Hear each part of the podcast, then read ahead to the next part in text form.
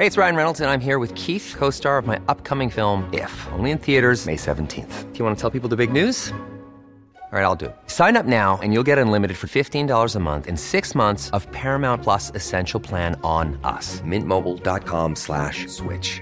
Upfront payment of $45 equivalent to $15 per month. Unlimited over 40 gigabytes per month. Face lower speeds. Videos at 480p. Active Mint customers by 531.24 get six months of Paramount Plus Essential Plan. Auto renews after six months. Offer ends May 31st, 2024. Separate Paramount Plus registration required. Terms and conditions apply if rated PG. Hey, I'm Ryan Reynolds. Recently, I asked Mint Mobile's legal team if big wireless companies are allowed to raise prices due to inflation. They said yes. And then when I asked if raising prices technically violates those onerous two year contracts, they said, What the f are you talking about, you insane Hollywood ass? F- So to recap, we're cutting the price of Mint Unlimited from $30 a month to just $15 a month. Give it a try at mintmobile.com slash switch. $45 upfront for three months plus taxes and fees. Promo for new customers for limited time. Unlimited more than 40 gigabytes per month. Slows. Full terms at mintmobile.com. Many of us have those stubborn pounds that seem impossible to lose, no matter how good we eat or how hard we work out. My solution is PlushCare. PlushCare is a leading telehealth provider with doctors who are there for you day and night to partner with you in your weight loss journey. They can prescribe FDA-approved weight loss medications like Wagovi and zepound for those who qualify. Plus, they accept most insurance plans. To get started, visit plushcare.com slash weight loss. That's plushcare.com slash weight loss. En sånn grunnsetning som man kanskje kan ta med seg som leder, som, som uh, hjelper deg å stille gode krav til ansatte, det er setningen eh, 'det fins ingen feil, det fins kun resultat'. Og Da er det din jobb som leder å trygge dine ansatte til å tørre å drite seg ut. For um, hvis du har uh, gjeng med ansatte som er livredde for å gjøre feil, så får du en gjeng med ansatte som ikke klarer å være produktive nok, og klarer å ha et vekstfokus samtidig. Og da risikerer du å ende opp med den lederrollen som bare sånn Ja, jeg skjønner, men det går bra, og det, og det, det, det tror jeg ikke tjener noen.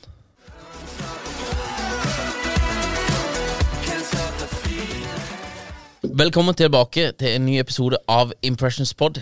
I dag har vi så fint med oss Peter Walderhaug. Velkommen til oss.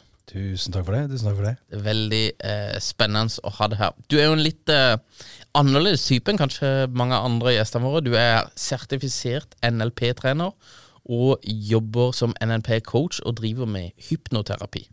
Ja. Kan du fortelle, hva, hva er egentlig det? Ja, hva er egentlig det? Um, det, er, det NLP, kan vi starte med det, det står for nevrolingvistisk programmering. Um, og så kan vi si det sånn at uh, øynene dine, de ser ikke. Nei? Uh, Ørene dine hører ikke. De tar inn informasjon som tolkes av sinnet ditt. Uh, og den informasjonen tolkes forskjellig, avhengig av hva du har opplevd tidligere. Uh, avhengig av hva du forteller deg selv. Avhengig av uh, hvilke håp og mål og drømmer du har om fremtiden, hva slags forventninger du har, osv. Uh, så NLP-biten tar for seg hvordan er det du sorterer informasjon og tolker den informasjonen som du tar inn. Hypnoterapibiten handler om at kapteinen din, altså han som styrer skuta, han går og legger seg, og så kan mannskapet som ligger i underetasjen og holder alle prosessene dine gående, da kommer de litt mer frem i lyset, og så kan vi høre på hva de har å si I hodet. i hodet. Ja. Yes. Spennende. For det, eh, dette her er jo, eh, det er jo et ganske bredt og dypt eh, tema, egentlig. Men det eh, jeg har lagt merke til ved flere anledninger også, at det er noe som skjer. Og så er det jo veldig ulike reaksjoner på hva som skjer, fra ulike folk. Og det eh, Da mener du at det er eh, connections, eller linguistic programming, var det det? Ja. Som ligger på en måte Så det ligger eh, eh, forutbestemte mønstre på om du tar dette positivt, negativt, som en mulighet, som en fallgruve, eller liksom hvordan du leser situasjonen, rett og slett. Riktig. Um, hvis vi skal dra det litt sånn historisk, så um, Sinnet vårt uh, har en hovedoppgave, og det er å holde oss trygg.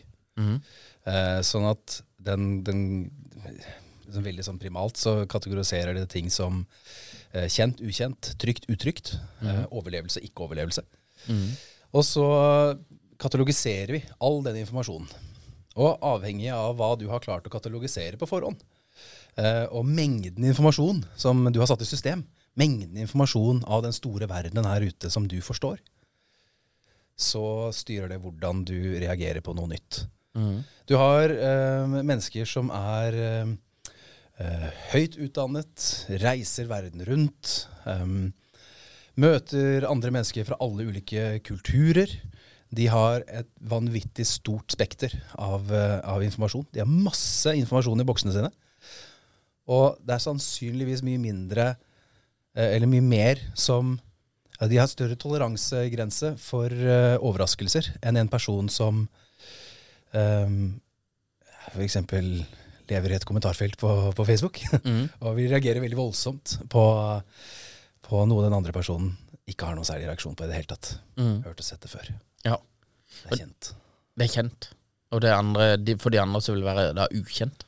Og det er derfor eh, større reaksjon. Det er en av grunnene. Ja. Ja. Det er veldig interessant. eh, Jeg har jo en del folk eh, rundt meg. Jeg vil karakterisere meg selv som en relativt positiv type. Så jeg eh, også ved utfordringer, eh, ting som ikke går som jeg hadde planlagt, så prøver jeg etter beste evne å se muligheter. Her er det kanskje muligheter for at jeg kan forandre noe i livet mitt, eller at jeg kan forandre noe i det vi gjør, eller eh, ja, at en prøver å se etter muligheter, da. Søker etter muligheter hele tida. Det, det føler jeg av og til at jeg må jobbe litt med, for av og til så virker det som dette her er bare er mørkt. Men så har jeg noen som jeg ikke henger for mye med. Men noen de ser jo bare fallgruver overalt, liksom. Alt går i dass hele tida. Det har, det har eh, veldig sånn, eh, klassisk forskjell på eh, fastlåst eller eh, vo- voksne tankesett. Fixed og growth mindset, Ja. eh, som snakkes mye om i ledelse. Um, og det er jo det vi jobber med eh, klienter på også. Å se muligheter og um, tørre å sette til side den derre Å, det var ikke dette som skulle skje. For det er en slags forsvarsmekanisme, det også. For uh, når jeg får en klient som sier da, det var ikke dette som skulle skje, så sier jeg i forhold til hva da? Mm. Og det er stort sett at de sammenligner det som skjedde, med en eller annen uuttalt forventning som de har oppi hodet sitt, om at dette tror jeg kommer til å skje, og så skjer det noe annet. Mm. Da får du forventningsbrudd. Og vi vet alle hvordan barn reagerer på julaften hvis de får noe annet enn det de ønsket seg. Ja. Men forventningsbrudd, det er jo veldig eh, interessant i seg selv. Det er jo også kanskje en av de største konfliktskaperne i verden generelt. Eller i nesten alt. For det er en eh, Kanskje du har en forventning om at eh, denne podkasten skal vare 20 minutter, og så varer den 40. Og da eh, blir du veldig sur, for den går så lenge. Mens jeg forventer at det skal vare 40 eller 30. Eller, eh, og det er jo sånn for så vidt også på hjemmebane med, med kona. Og liksom, hva forventer eh, alle? Hva forventer de ansatte? Hva forventer vennene mine av meg også? Og hvis den forventninga er helt annerledes enn det jeg leverer, så blir det jo en skuffelse, eller eh, er det da, eh, Spørsmålet blir jo da Er det positivt å ha ekstremt lave forventninger til alt i livet. Oi. Ja, det finnes sikkert noen som mener at det er eh, positivt. Eh, jeg, jeg tror det er bra å ha forventninger. jeg. Ja. Um, og så tror jeg det er bra å være fleksibel i forventningene sine. Um, og så tror jeg man skal være bevisst hvilke forventninger man har. Mm. Fordi um, Og gjerne kanskje også være bevisst hvor stor plass din sannhet tar i, eh, i en sånn forventningsstyring. Mm. For eksempel hvis, eh, hvis du har planlagt eh, en, en nydelig piknik i Frognerparken med 50 av dine nærmeste venner. Mm. Og så våkner du opp lørdag morgen, du har planlagt, lunsjen er laget, bagen er pakket, og så pøsregner det. Mm. Da skjer det et eller annet oppi hodet. Da er det sånn Nei, dette er krise. Ja. Eh, du har forventet en nydelig dag. Det skjer noe eksternt som du ikke kan påvirke i det hele tatt. Som setter styrken i sinnet ditt på prøve. Mm. Eh, og da er det sånn, Skal man da ikke ha forventninger til at det blir en nydelig dag i parken? Jo, selvfølgelig skal man det. Mm. Men man skal også ha forventninger til seg selv, at man klarer å finne en ny eh, utvei eller ny løsning hvis det dukker opp noe eksternt som spenner bein på deg. Mm. Og der har du forskjellen på de personene som er mentalt sterke, og de som er, har utviklingspotensialet i mental styrke. Eh, de lar seg bli spent bein på. Og det blir liksom som Vi mennesker vi er, vi er, vi er en båt som, som flyter rundt på havet. Mm. Jobben vår er å bygge et sterkt seil. Mm. For det kommer alltid en bølge, det kommer alltid vind. Og det eneste vi egentlig har kontroll på, er nål og tråd. Og så får vi håpe at vi har litt sterkt seilstoff, sånn at vi klarer oss å sy og så stå imot det som dukker opp. Mm. Og hvordan vi står imot det som dukker opp, det, det handler om hvor lett klarer jeg å snu på flisa. Hvor lett klarer jeg å ombestemme meg. Og i, nå om dagen så er det litt vanskelig å ombestemme seg, fordi folk holder deg eh, accountable for noe du sa for ti år siden. Og så skal de prøve å cancele deg for noe du sa. Ja. Sånn at uh, vi får en litt sånn behov for å stå Nei, det er dette her. Det er dette. Ja, det er, jo, det er sånn. Mm. Det trenger ikke være sånn. Og det ser vi jo veldig tydelig um, i, i ledelse, eller i organisasjoner f.eks., at da covid kom, Mm. så var det plutselig hjemmekontor. Og de lederne som ledet på samme måte som de gjorde tidligere, de mistet en del av um, relasjonen med de ansatte som da plutselig satt på hjemmekontor. Mm. Uh, for det handler om hvor, hvor raskt kan jeg snu på det jeg gjør, og fortsette uh, prosessen min. Mm. For det kommer til å kommer alltid noen spennende veien på deg. Om det er en pandemi, eller om det er regn på en uh, piknikdag, eller om det er en krangel med kona. Ja. Det kommer. Ja, det kommer. Det, det er litt interessant. Jeg, jeg fikk en um, Når jeg jobba som uh, tour manager for uh, Matoma i tre år, Ja. så uh, fikk jeg ekstremt mye av uventa uh, utfordringer hele tida. Det var, det var ikke Tom som uh, forårsaka det i det hele tatt, men det er at du reiser rundt og turnerer. Og eh, liksom 50% av jobben min nesten, det var bare å deale med incoming problemer som skjedde hele tida. Flyet går ikke, det snør en halv millimeter i Texas, og de stenger hele Texas-staten i flere dager, liksom. Og bare sånne helt kaosgreier. Så det var liksom hele tida så var det bare ting, problemer. Strømmen er ikke på, det er feil eh, CDJs, det er liksom Det er feil her, det er masse greier. Vi har ikke fått mat. Det, det, det var utfordringer konstant, liksom, som jeg ikke klarte å forutse. Eller de, de kommer bare på samlebånd. Så etter hvert så blir du litt sånn her Jeg vet ikke om jeg ble nummen til det, men eh, etter hvert så blir du at ok, du, får, du har en forventning om at i kveld så er det fem problemer som jeg ikke har, vet ennå, som kommer til å treffe oss. Eh, og de må jeg løse. Det må jeg bare løse. På en eller annen måte så må vi bare gjøre det beste ut av det. Men eh, tror du det er trenbart, liksom?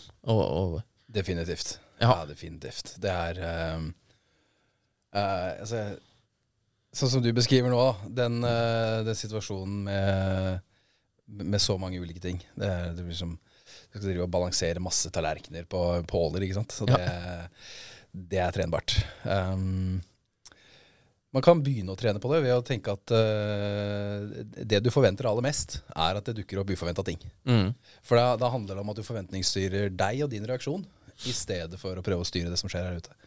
Uh, det er det første man kan gjøre. Og det høres ut som det er det du har gjort også. Ved å akseptere at uh, her er min kjøreplan. Det er min kjøreplan. Ja. Alle andre har sin kjøreplan, og det er ikke sikkert den er overens med, med min. Nei. Og før jeg vet ordet av det, så skjer det forsinkelser, og så er vi fucked. Hvis, eh, hvis jeg ikke klarer å være fleksibel, så er det definitivt trenbart. Ja. Det er ganske interessant også med, med type ledere, for dette her er jo veldig ofte så var det praktiske utfordringer jeg jeg havna opp på. Men hvis du er en eh, leder Nå er jo jeg en leder også, men eh, det er jo ikke så veldig mange, holdt jeg på å si. Men si du er toppleder da, eh, i et svært selskap. Så har du jo eh, Jeg lurer på var Gary Vaynerchuk som sa det, at det, det, liksom det, du, du er jo en helt annen person. Du, du kunne jo egentlig bare kalt ham brannmann. For det er det han holder på med. Slukker branner, egentlig. Eller problemer, da. Så du blir en sånn der problemløser eh, hvor alle kommer til deg med de aller største problemene dine. For eksempel det å være toppsjef i eh, Norwegian eh, under pandemien, da. Det må jo være liksom ja, sinnssykt mange ting du ikke kan kontrollere. Det, du får bare et, et, en bølge av eh, utfordringer hele tida som du ikke klarer å helt plotte og se hvor, eh, hvor kommer fra. Ås- Åssen er hjelper du på en måte toppledere, da, som er jo kanskje under et mye større mentalt press enn det jeg var på tour. Um, jeg lærer de å lytte. Um, um, en av de tingene jeg gjør, er jo jeg er fagansvarlig for en utdannelse som heter coaching og relasjonsledelse. Mm. Og um, noe av det viktigste i den utdannelsen er at vi trener um, Og her er det uh, ledere som kommer for å etterutdanne seg. Vi trener det i dialogferdigheter og lytteferdigheter. Mm. Uh, og dialog er Det er veldig fort misforstått. Fordi dialog Det er mange som tenker at det er å prate sammen. Mm. Det er det ikke. Nei. Eh, dialog, det er å være på besøk hos en annen. Mm. Um, en liten historie. eh, for, for noen år siden så gikk jeg på tur rundt Sognsvann. Og så kommer det en, en eldre dame bak meg og har hørt på samtalen som jeg og kompisen går og prater med. Og så sier hun 'unnskyld meg'. Jeg bare, ok. Eh, og lang historie kort. Hun sier hun har lyst på coaching. Hun syntes det var spennende å høre på snakke. Og så tenker jeg bare greit. Dette er fett. Jeg aner ikke hva som skal skje. Jeg kommer hjem til henne, eh, sikkert nærmere 80 år. Og når jeg kommer inn i den leiligheten, eh, så blir jeg møtt av et hjem som er det mest fascinerende hjemmet jeg noen gang har sett. Eh, for denne personen hadde eh, vært mye ute og reist på 60- og 70-tallet. Mm. Det var før tollgrensene og tollreglene ble veldig strenge. Ja. Så hun hadde eh, en marmorørn. Hun hadde en tiger på veggen. Det var elefantstatuer, det var elfenben. Det var til og med en jadestatue som var dritsvær og sto på gulvet og nesten rakk opp hit. Og jeg satt der og bare sånn Wow. Her var det mye, var det mye greier. ja. Og hun hadde en veldig, veldig stygg sofa, men eh, det kan jeg jo ikke si. Nei. Jeg kan jo ikke si sånn ah, 'Så stygg sofa du har'. Nei. Men det jeg sier, er 'wow, det er spennende på, på veggen'. Hva, hva, er dette for noe? Mm. Og det er det samme som dialog. Mm. Fordi når du utforsker en annen persons modell av verden Si at du er, du er toppleder, Mm. og du kom, det kommer en ansatt til deg som har verdens største krise, og i hodet ditt så tenker du 'pss, dette er jo ingenting'. Ja. Det er akkurat det samme som jeg ville tenkt. åh, det der er en stygg sofa. Mm. Men jobben din da i dialog er å utforske, stille spørsmål, Mhm. og finne ut hva er historien bak inventaret i ditt indre hjem. Mm. Hvordan kom disse overbevisningene? Hvordan, skapte, hvordan ble dette her et problem? Mm. Og der er mange ledere dessverre veldig dårlige. Eh, vi snakker sammen, og vi prøver å løse noe kjapt. Men vi er ikke på besøk. Mm. Og i stedet for å være på besøk og stille spørsmål og lure på hvordan i all verden fikk du denne jadeelefanten hjemme, Mm. så sier vi ting som Nei, du kan ikke mene det. Mm. Nei, nei, det er jo helt Nei, altså, det er jo, det er jo feil. Mm. Og da er vi tilbake igjen i full sirkel. ikke sant? Feil i forhold til hva? Ja. Det er ikke feil i forhold til det, det verdensbildet som du nå har ovenfor deg. Men det er kanskje feil i forhold til hvordan du tolker situasjonen. Og som vi sa innledningsvis, du tolker situasjonen helt annerledes. Mm. Så det, er det, det er, vil jeg si er det aller viktigste tipset for uh, toppledere. Mm. Lær deg å lytte. Og gå på besøk i din ansatts indre hjem. Mm.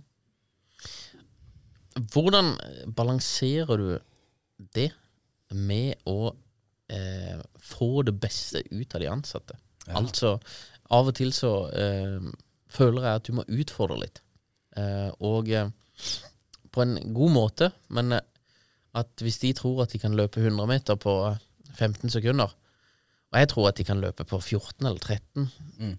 så må jeg på en måte eh, utfordre de i positiv forstand, da. At jeg tror at du kan løpe dette fortere enn du tror. Hvordan eh, på en måte balanserer du det med For det, noen vil jo si at, da, at hvis du har for mye forståelse, eller på en måte utforsker det, så til slutt så blir du bare en pute som liksom eh, ja, hjelper de med å liksom forstå alle problemene, men du pusher de kanskje ikke videre i det de har potensialet til å være, da. Mm. Det er en, eh, det er en kunst. eh, Det er kunst. Um, jeg tror ikke det fins noe fasitsvar på nøyaktig hvordan man skal balansere det. Men um, du, er på, du er inne på det viktige her. At um, du må unngå å bli en hvilepute. Ja, du skal utforske, du skal være på besøk, du skal lytte. men du skal også stille krav. Mm. Um, et, en, av, en sånn grunnsetning som man kanskje kan ta med seg som leder, som, som uh, hjelper deg å stille gode krav til ansatte, um, det er setningen uh, 'Det fins ingen feil, det fins kun resultat'. Og Da er det din jobb som leder å trygge dine ansatte til å tørre å drite seg ut.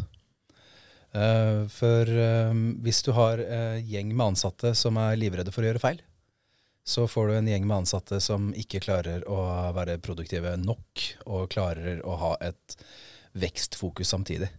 Og da risikerer du å ende opp med den lederrollen som bare sånn Ja, jeg skjønner, men det går bra, og det, og det, det, det tror jeg ikke tjener noen. Nei.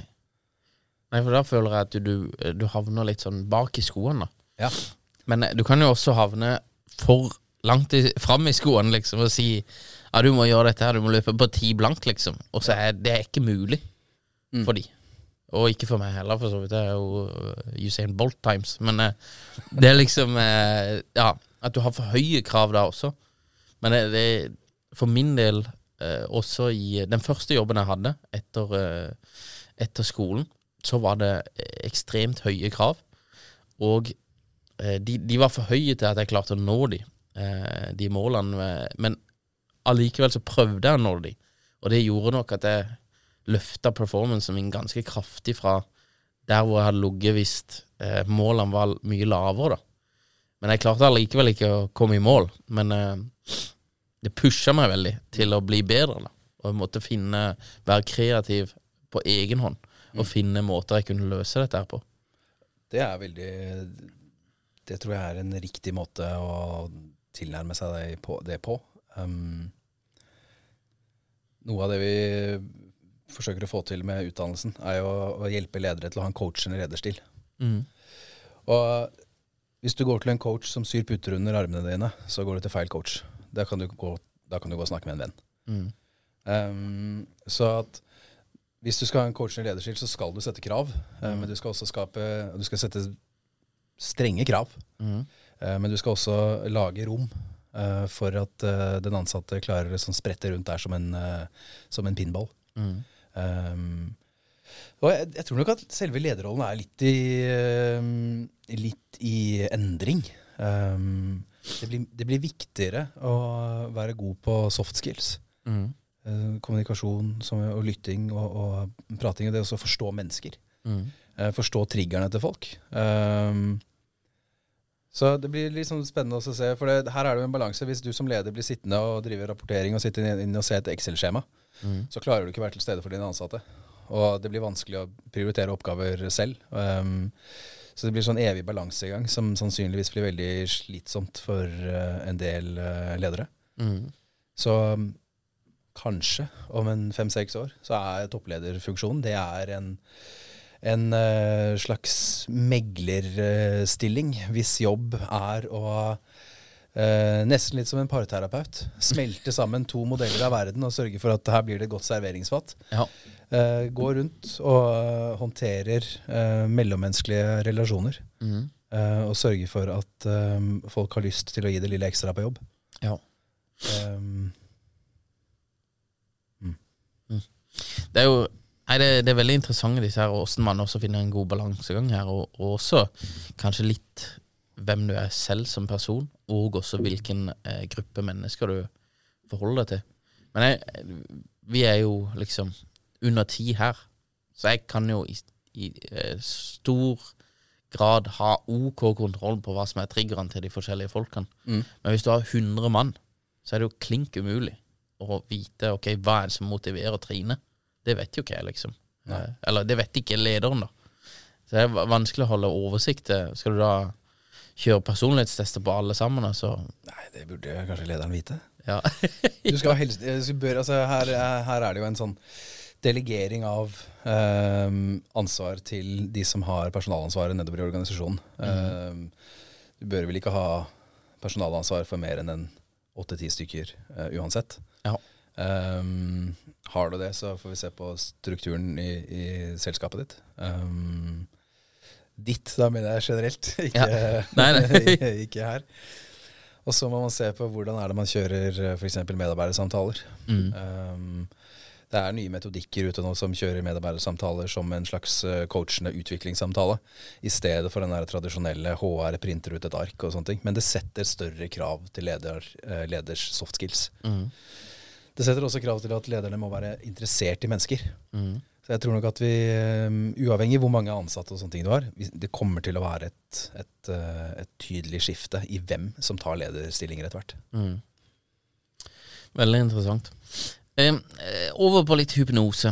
Hypnose er jo noe som eh, vel, Folk flest det, de forbinder det jo med liksom et show eh, hvor noen på scenen blir hypnotisert til å lage noen kvekkelyder eller eh, late som de er en frosk, eller et eller annet sånt der. Men eh, det som er interessant, er jo Mike Tyson drev jo veldig mye med hypnose når han fighta. Og da var det jo for å komme inn i et mindset, sånn som jeg har forstått da, komme inn i et på en måte krigers mindset. Eh, og, og da bli på en måte uknuselig, eller hva du skal kalle det. da.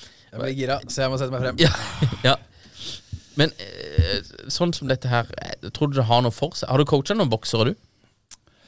Uh, ikke coachet direkte boksere. Jeg har coachet uh, MMA-fightere og brasiliansk jiu-jitsu-fightere. Ja. Mye av det samme, mye av det samme um, um, prosessene. Mhm. Og det er um, Ok, La oss bare si det først. At uh, hypnose er mye. Uh, Det er ikke altså, alle, alle som sitter Du har vært i hypnose før, jeg har vært i hypnose. Altså, alle som hører på podkasten her, eller ser på, har også vært i hypnotiske tilstander. Um, en form for hypnose er dagdrømming. Hvor man Ja. sitter og plutselig så er man bare har sett for seg at man er Supermann og redder en brennende by, og så skaper det en følelse. ikke sant? Eh, da har vi vært i en eller annen sånn tilstand.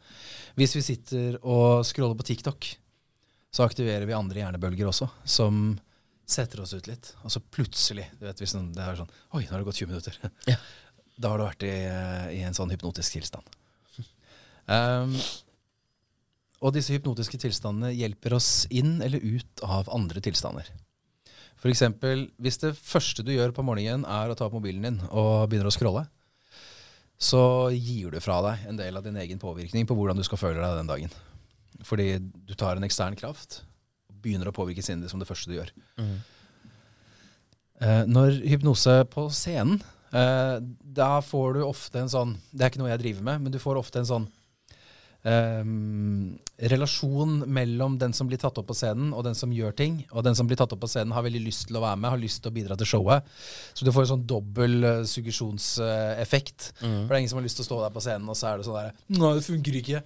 Det er ingen som klarer den backlashen fra publikum, så de er sånn Ja, ok, jo, se, det funker. Men det funker jo. Ja. Eh, men så er det også sånn at du kan ikke hypnotisere folk til å gjøre ting de ikke har lyst til. Sånn, ting som strider helt imot verdiene dine, det går ikke. Og Hvis det er noen hjemme som har sett uh, Darren Brown sin The Push, hvor jeg ender opp med å altså, dytte noen ned fra um, eh, et hustak, så er det en kombinasjon av veldig mye uh, forskjellige greier. Um, så du kan absolutt manipulere folk til å gjøre ganske sjuke ting. Men akkurat i hypnose, da har vi bare fått avklart litt sånn hva det er og hva det ikke er. Ja. Når det, eller når jeg bruker det i, um, i coaching eller behandling, så er det for å tilgjengeliggjøre følelser som trengs for å gi det lille ekstra. Um, det kan være um, Det kan være eksempel um, eh, følelser som eh, har ligget uh, latent. Det kan være følelser av sinne knyttet opp til en farsfigur, f.eks. Sinne knyttet opp til eh, et eller annet som du ikke fikk da du var barn. Og så bruker vi hypnose til å tappe inn i det sinnet. Og nesten som at vi legger det på i den eh, tilstanden som vi nå skal inn i. Og forteller deg sånn, ok, hvordan skal du tenke nå? Hva skal du føle? Um, hva slags bilder skal du lage inn i hodet ditt? Hvordan, uh, hvordan er den personen som kommer ut av denne tilstanden nå? Og det er supereffektivt. Um, og disse tilstandsendringene skjer i oss hele tiden. Det er litt enklere å legge merke til det hvis det skjer noe negativt. Hvis du f.eks. har et viktig møte på jobb, og så rekker du ikke bussen, og så rekker du ikke møtet, da skjer det noe med tilstanden din. Eh, men da har det vært en ekstern påvirkning som gjør at tilstanden din blir negativ. Når vi bruker hypnose, så er det en av de, eh, de raskeste veiene til å skape en intern tilstandsendring. Um, og vil jeg påstå at den som klarer å ha mest kontroll på sin egen eh, tilstand, eh, den vinner. Mm. Eh, da blir du ikke vippet av pinnen. Hey, it's Danny Pellegrino from Everything Iconic. Ready to upgrade your style game without blowing your budget? Check out Quince. They've got all the good stuff shirts and polos, activewear, and fine leather goods, all at 50 to 80% less than other high end brands. And the best part? They're all about safe, ethical, and responsible manufacturing. Get that luxury vibe without the luxury price tag. Hit up quince.com slash upgrade for free shipping and 365 day returns on your next order. That's quince.com slash upgrade. Hiring for your small business? If you're not looking for professionals on LinkedIn, you're looking in the wrong place. That's like looking for your car keys in a fish tank. LinkedIn helps you hire professionals you can't find anywhere else, even those who aren't actively searching for a new job but might be open to the perfect role. In a given month, over 70% of LinkedIn users don't even visit other leading job sites. So start looking in the right place. With LinkedIn, you can hire professionals like a professional. Post your free job on linkedin.com slash people today.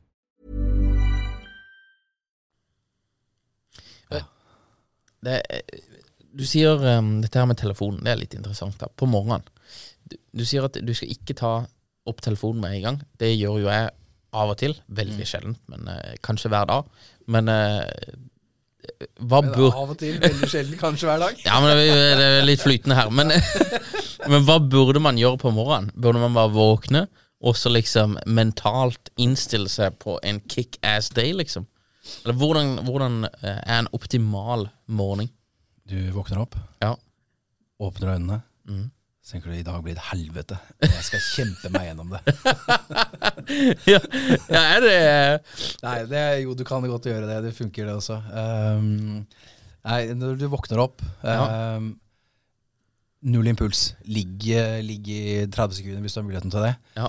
Um, stå opp. Um, før, og før du tar telefonen din, begynn å tenke gjennom dagen din. Mm. Hva skal jeg egentlig gjøre i dag? Mm. Skal jeg ha et møte? Har jeg fri?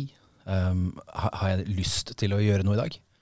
Og etter du har, begynt, etter du har adressert noen gjøremål, kan du begynne å tenke hvordan har jeg lyst til å føle meg etterpå? Mm. Hvordan har jeg lyst til å føle meg etter det møtet? Hvordan har jeg lyst til å føle meg på den daten? Mm. Hvordan har jeg lyst til å føle meg med vennene mine etterpå? Og så bare gjøre deg noen bevisste tanker om dette. Totalt fem-seks minutter. Maks Mm. 30 sekunder. Ehm, så får du en mye mer kontrollert start på dagen. Ja. Deretter kan du godt ta opp mobilen din. Men du er nødt til å begynne å bygge dagens rustning eh, som det første du gjør når du står opp. Mm. Um, fordi når du sitter og scroller, så er du da er du basically en uh, du- blir sånn der eh, levende sånn reklame-NPC som bare suger til deg content som totalt meningsløst. Og så mistenker jeg at TikTok er jævlig gode i NLP, fordi jeg, jeg kjenner igjen et sånn forvirrelsesmønster noen ganger. Hvis jeg jobber med klienter og jeg skal forvirre dem og overbelaste sinnet deres litt, for sånn, sånn at vi kan begynne å jobbe, så kjenner jeg igjen en del av eh, den rekkefølgen hvor ting går i. Hvor det liksom det kommer eh, video av en søt hund, eh, en eller annen dans, en eller annen sang, video av en søt hund, politivold, video av en søt hund, og så video av en søt hund igjen, og så politivold, eller et eller annet sånn eh, kjempeemosjonelt. Og så kommer det mellom to kjente ting. Det kommer mellom to ting som trigger gode følelser i meg. Og da er det sånn «Hå, Hva er dette? I stedet for å reagere med avsky. Så jeg går inn i det. Og så blir jeg mer påvirket, og så blir jeg dratt, og så kanskje jeg begynner å google opptøyer og alt mulig. Og så plutselig er sinnet mitt dratt i en helt annen, eh, helt annen retning enn det jeg trodde det skulle bli da jeg sto opp. Det er en type sandwich, da. Det blir sandwich, ja. Ja, for det jeg husker jeg det var noen som Hvis du skal si noe slemt til noen, så må du si liksom Peter, du er en uh, fin type. Jeg liker deg. Uh, du når ikke salgsmålene dine, men du er en fin type. så liksom Noe Ja. positivt, negativt, og så positivt igjen. Det, det kalles et sandwich, da. Eller, Yes. Og da eh, blir det ikke så farlig. Eller du baker det litt inn, da. Baker det litt inn. Ja. Um, jeg vet ikke hva TikTok gjør, men de gjør et eller annet der. Det er, jeg, kjenner igjen. Det er noe sånn Det er en overbelastning, og så blir du påvirket. Ja. Men TikTok, det er jo uh, Joe Rogan mener jo det er kinesisk spy, spyware. Ja. ja. Um, men det, TikTok er iallfall Algoritmen på TikTok er virker som han er mye mer ekstrem, og virker som han er smartere enn algoritmen til Meta eh, på Instagram. Så han er mer brutal uh, på TikTok, eh, i både positiv og negativ forstand. Tror du det er farlig for barn og unge å være for mye på TikTok? Havner jo helt inn der, da, men eh, ja. Uten tvil. Uten tvil. Ja. Ja.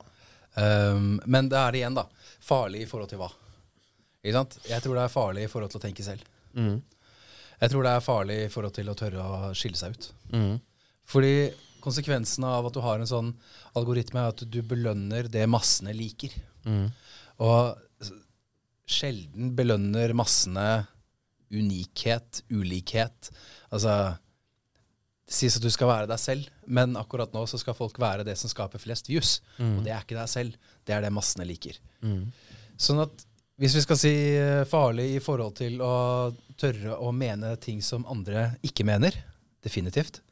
Farlig i forhold til å utvikle seg selv i sitt eget tempo, eh, med sine egne interesser, definitivt.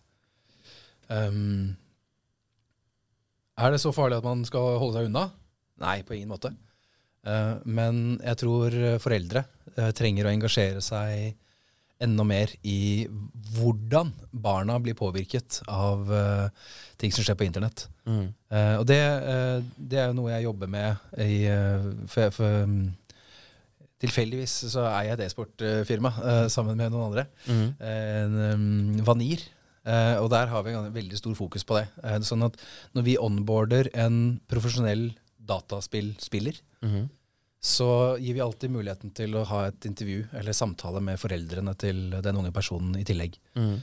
Um, fordi vi opplever det at hvis, foreldre, hvis foreldrestøtten uteblir, eller foreldre bare passifiserer seg fordi de skjønner ikke hva barna driver med på internett, Mhm. Så er det et kjempeproblem. Uh, det er et problem for uh, forelder-barn-relasjon, det er et problem for eh, eh, opplevd skamfølelser som barna får rundt på internett, og så vet de ikke om de skal snakke om det, så tør de ikke å åpne seg. Sånn at det at foreldre lar være å involvere seg i barns digitale liv, det er roten til eh, mye usikkerhet. Mm. Så in involvering du vil eh, anbefale? Ja, nå begynte jeg å snakke om mange forskjellige ting. Ja, det var mye forskjellig. Men det, det er involvering for foreldre sin del, da. Ja. Eh, Disse her eh, e-sportsfolkene, det er Vanir e-sport. Heter det Vanir e-sport? Uh, ja, Vanir eh, e-sport and entertainment eh, heter det vel egentlig, men vi går under Vanir. Ja. Er det eh, Disse her spillerne her, disse her er jo på en måte de, de, Mentalt, er de som toppidrettsutøvere? Og må de på en måte coaches som toppidrettsutøvere? Definitivt. Ja. Um, I hvert fall på, hvert fall på toppnivå. Um, og eh, sånn at vi har I Vanir har vi jo vi har eh, muligheter for personlig trener, uh, mental trener, som da er meg. Um, og det er muligheter for um, personlige uh, utviklingsprosesser uh, over tid, sånn at de kan utvikle sitt eget talent. For det, det er akkurat, akkurat det samme som en fotballspiller trenger å øve på ting. Så er det kanskje enda viktigere for en e-sportspiller å øve på, på ting. For um, det som er litt sånn unikt i e-sport, er jo at uh, mange av spillerne blir lagt merke til fordi de er gode i spillet. Mm. Og da er de ikke nødvendigvis gode i å samarbeide i det samme spillet. Nei. Fordi eh, Kjenner du til League of Legends, for eksempel? Ja. Si du har, eh, du har top lane, og så har du bot lane, og så har du mid, og så har du jungle. Og så Si at du er en skikkelig god toplaner. Og så gjør du din ting, du har eh, høy rank, og du blir drafta til et uh, kjempelag, og så er hele din solo-Q-karriere Den består av at du har liksom slash mute all, og du sånn, gidder ikke chatten. Det er mye toxic folk, du har ikke lyst til å høre på dem. Du gjør din ting, og du utvikler mye uvaner som ikke hører hjemme i et uh, profesjonelt lagspill. Men så er det de uvanene som har gjort deg trygg i rollen din. Mhm. Og det er de uvanene som gjør at uh, liksom, dette er sånn jeg gjør ting. Mm. Da er vi inne på modell av verden igjen. ikke sant? Kan, dette, kan du dra en parallell her til Cristiano Ronaldo i, i Manchester United siste perioden nå? Definitivt. Hvor han liksom det, det, Hans sitt verdensbilde Yes. overstyrer resten av laget, nesten. Definitivt. Og det er, eh, det er fantastisk at de gjør det mye bedre uten han. Jeg har sagt det fra første stund, fordi han har et, han har en, et så kraftig eh, verdensbilde. Eh, og han beskytter innholdet i det verdensbildet så vanvittig. Og det er jo det folk kaller et ego. Um, og så samarbeider han og sånn til en viss grad, men dette er min sannhet, og det er denne som regjerer her og nå. Hvis du har en spiller med en så sterk sannhet, så er det veldig vanskelig å gjøre som eh, vi spår at topplederne må gjøre om noen år. Håndtere dette her, megle det og sammensveise til én fast gjeng. Det er det vi gjør i et e-sportlag, når alle da har sine egne verdensbilder. Og så må vi si ok, hvordan er det du tenker eh, når du er på ditt beste? Hva er det du liker, hva er det du sånn? Og så må vi sammensveise det. I Ronaldos tilfelle så er han overbevist om hvordan det skal være i Manchester United. Og det var det ikke. Nei. Og I stedet for å begynne å jobbe med sitt eget verdensbilde. Fordi det er jo det verdensbildet som har fått han dit han er. Og det, det må han beskytte. Ja, for det, det, her, jo, her er vi tilbake til brudd i forventningene. Hans forventninger av hvordan Manchester United skal være, de er ikke der hvor han tenker at det skal være. Og derfor blir han skuffa. Yes. Og han føler seg disrespected og, og mange typer ting. da. Men her også er det liksom hva, hva er på en måte riktig, da, hvis du tenker det? For det er veldig mange eh, vil jo si da at hans sitt verdensbilde er mer korrekt, for han har en sånn høy standard til seg selv. Han har en høy standard til alle rundt seg, og de eh, gutta rundt, de, de holder ikke standarden hans, sin, liksom. Nei. Burde han bevege seg, eller burde United bevege seg? Uh, han burde bevege seg. Ja. Fordi uh, de en, de, altså, Hadde han vært tennisspiller, hadde han vært Kasper Ruud, eh, så er det bra å ha kjempehøye individuelle standarder. Men Ronaldo er en lagspiller.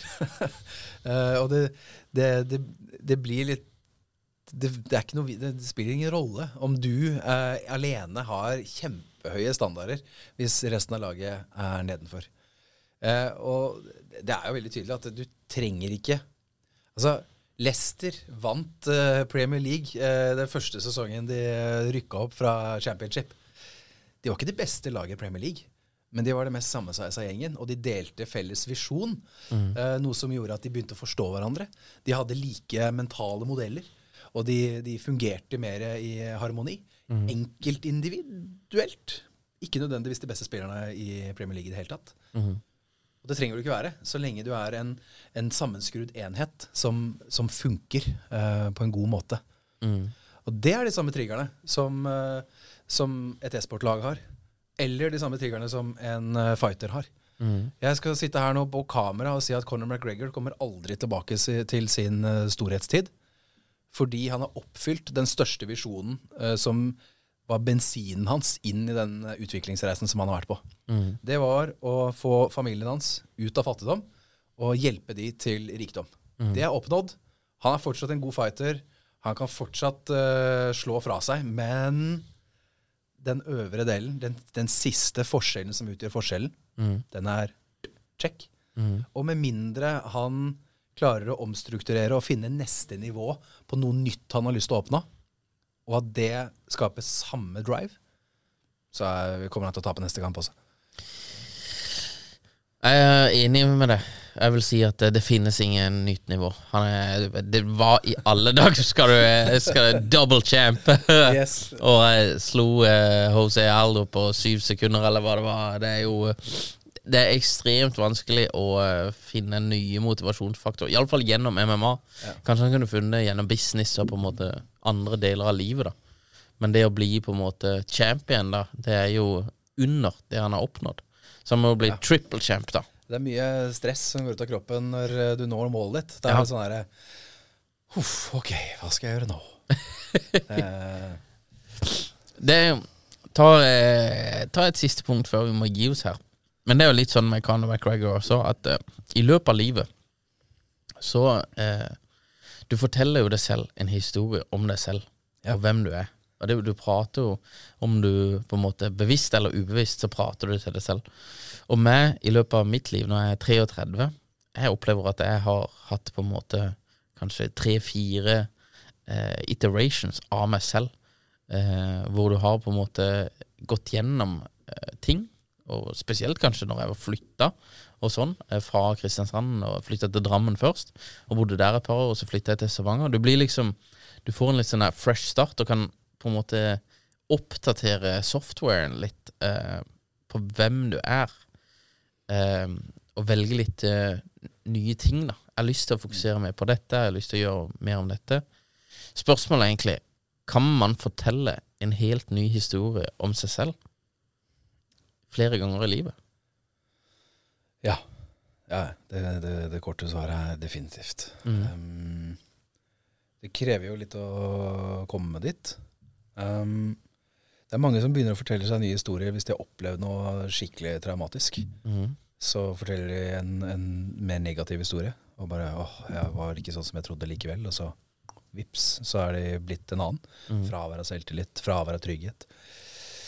Um, du har eh, folk som går med pensjon, som har hatt referanseområdene sine.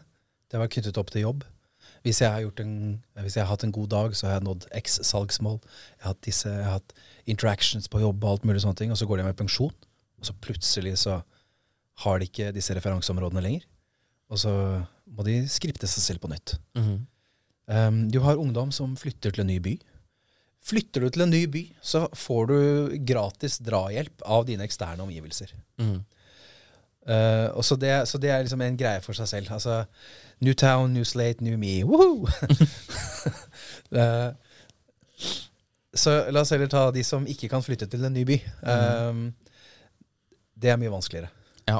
Um, fordi du er jo ikke bare deg. Du er en, en, en sammenskrudd enhet av deg selv, dine forventninger til deg selv, andres forventninger til deg. Og andre har forventninger til hvordan du skal reagere i ulike situasjoner.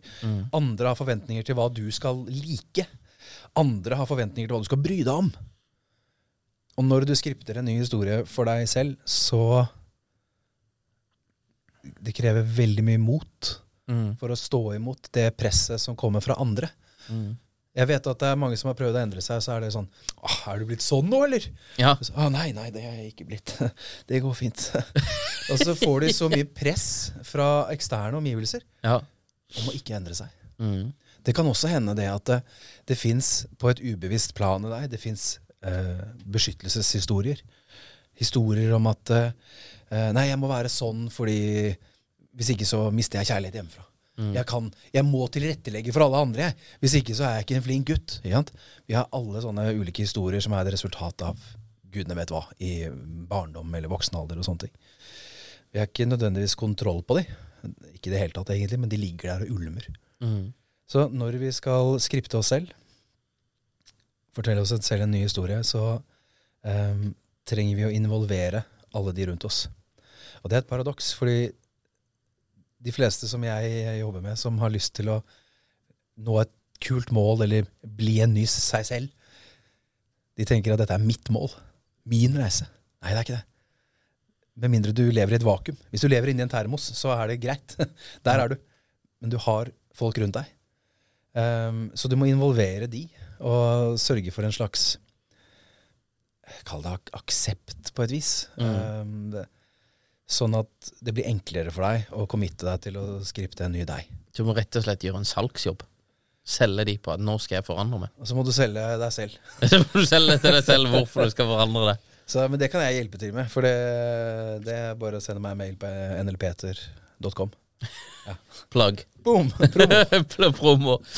Nei, men det, det er veldig interessant. Og det, dette her, er, som du sier også med folk som går av med pensjon og sånn der. Jeg var jo Litt tilbake til Tom, da. Men i tre år så jobba jeg som tour manager. Ja. Og det var en stor på en måte del av identiteten min at jeg var tour manageren til Matoma. Og så er du ikke det lenger. Og så blir det litt sånn der eh, Ikke forvirrende, men, eh, men eh, det er en del som på en måte har de forventningene til at du skal være sånn, og du skal være sånn og sånn. Og så er du en annen. Du er liksom, eh, for min del, altså Stian markedsføreren, da. Jeg, jeg jobber med sosiale medier. Det er det jeg gjør. Og så blir det liksom et, et brudd i på en måte eh, forventningene til omverdenen. da. Som, som gjør jo at eh, du må jo nesten eh, Noen ganger så blir jeg litt sånn her irritert over å jeg måtte forklare meg. liksom. Ja. Eh, ja, hvorfor har du gjort det? Eller hvorfor, du, hvorfor er du ikke der lenger? Hvorfor gjør du ikke ditt og datt? Så, eh, Kan, kan, jeg, kan jeg spørre om det? ja, ja, Hvorfor, gjør- hvorfor gjør du ikke det lenger? Nei, det ene var jo at det tok så sinnssykt mye tid. Ja. Du har ikke tid til noen ting annet. Så eh, vi starta jo Reinhards Media i 1. januar 2015. Mhm. Og Tom var liksom en av de første vi jobba med. Så jeg brukte jo tre år fra 2015 til 2017 på å jobbe med han. Og det eh, Selskapet, da, led under mitt enorme commitment til den jobben, da. Mm. Og så ga den jobben meg utrolig mye andre ting. Og han ga masse attention til selskapet og sånn, da. Men det var egentlig bare at jeg fikk nok. Ja. At jeg følte at eh, nå har jeg gjort dette. Check. Mm. Nå har jeg opplevd eh, Jeg toura rundt her, spilt nesten 700 konserter. Heftig. Ja, og liksom bare vært på permanent reise. I 2016 så hadde jeg 311 reisedøgn. Oh, Og vi- Tom spilte 250 konserter, og jeg var på alle. Eller hosta alle. Så det er jo liksom Du har ikke tid til noen ting annet i livet, da. Nei. Det er dette du gjør. Punktum. Og det For en periode så var det veldig gøy. Men eh, så var det liksom I mitt hode så var det OK, jeg må på en måte turn a page her. Vi må inn i et nytt kapittel. Og eh, er Media da fortjener eh, full oppmerksomhet fra meg. Mm. Eh, for at det skal kunne vokse og gro. Så det var egentlig grunnen til det. da Mm. men, eh, men det er et skifte i på en måte identitet og, og eh, hvem du er. da Mm. Hva gjør du? Og en type rebranding av deg selv, nesten. Det er et veldig spennende tema.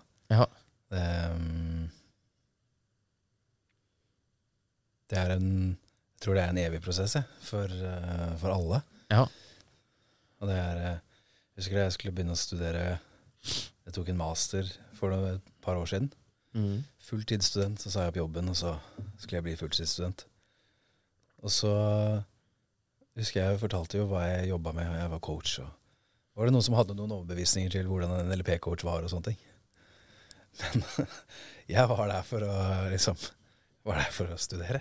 Mm. Jeg var ikke der for å være, få venner eller, eller være hyggelig eller noe i det hele tatt. Så jeg gikk sånn jeg, jeg ser tilbake og tenker sånn Jeg skulle kanskje vært litt mildere, men Ja. det var min forsvarsstrategi da, på å liksom klare å være en ny person i, i krevende stunder. Mm.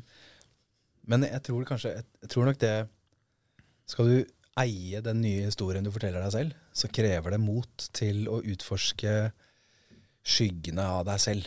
Um, hvis det blir ubehagelig å, å svare på liksom hvorfor, hvorfor, ga, hvorfor ga du deg, eller hvorfor gjorde du sånn og sånne ting, så, så er min umiddelbare tanke at da er man kanskje ikke godt nok forankret i den nye prosessen sin. Mm. Um, og det er, det er ikke alltid man er det. Det, er jo, det går du, altså en, en, fyr som går av med AFP, eksempel, og har gått av med pensjon allerede. Ja, du vet, ja, nei, altså. Du er ikke forankra i den prosessen. Nei. Du, tok, du, du gikk av med pensjon.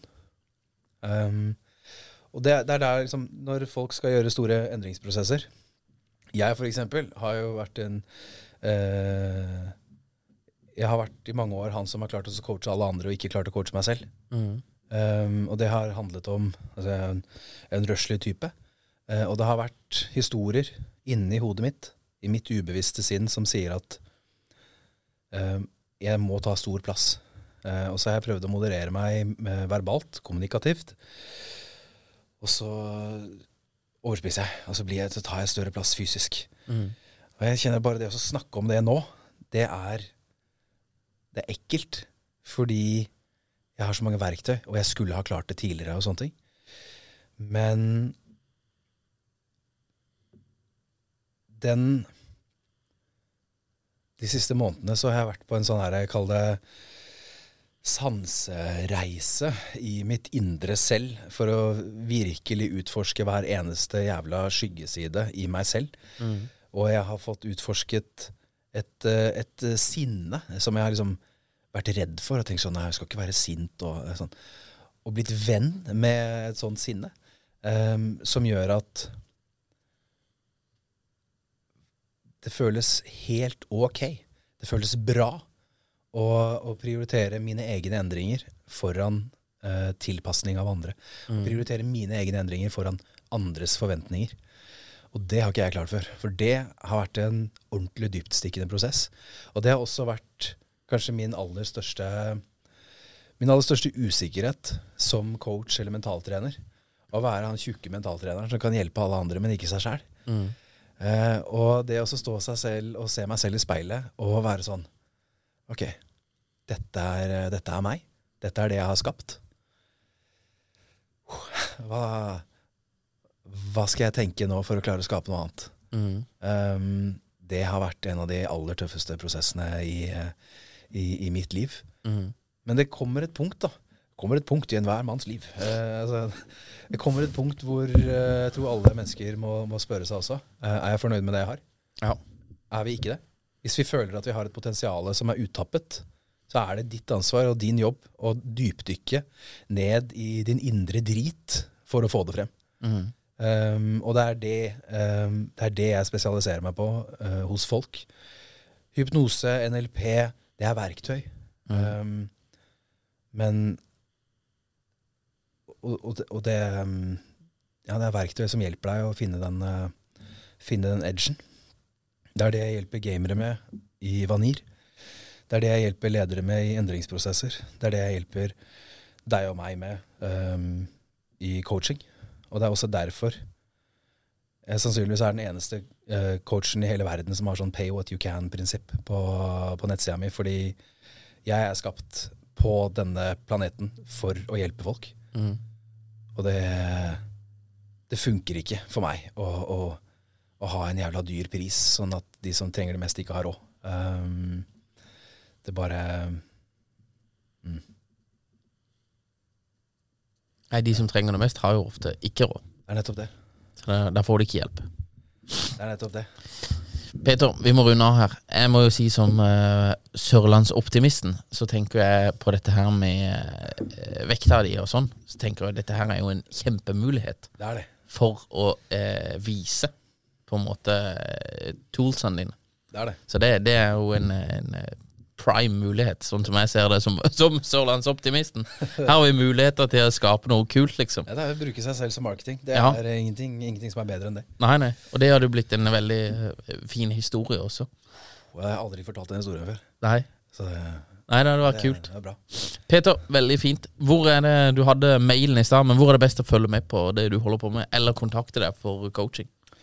Eh, følg med på um, nlpeter.com eller Peter Valdraug på sosiale medier.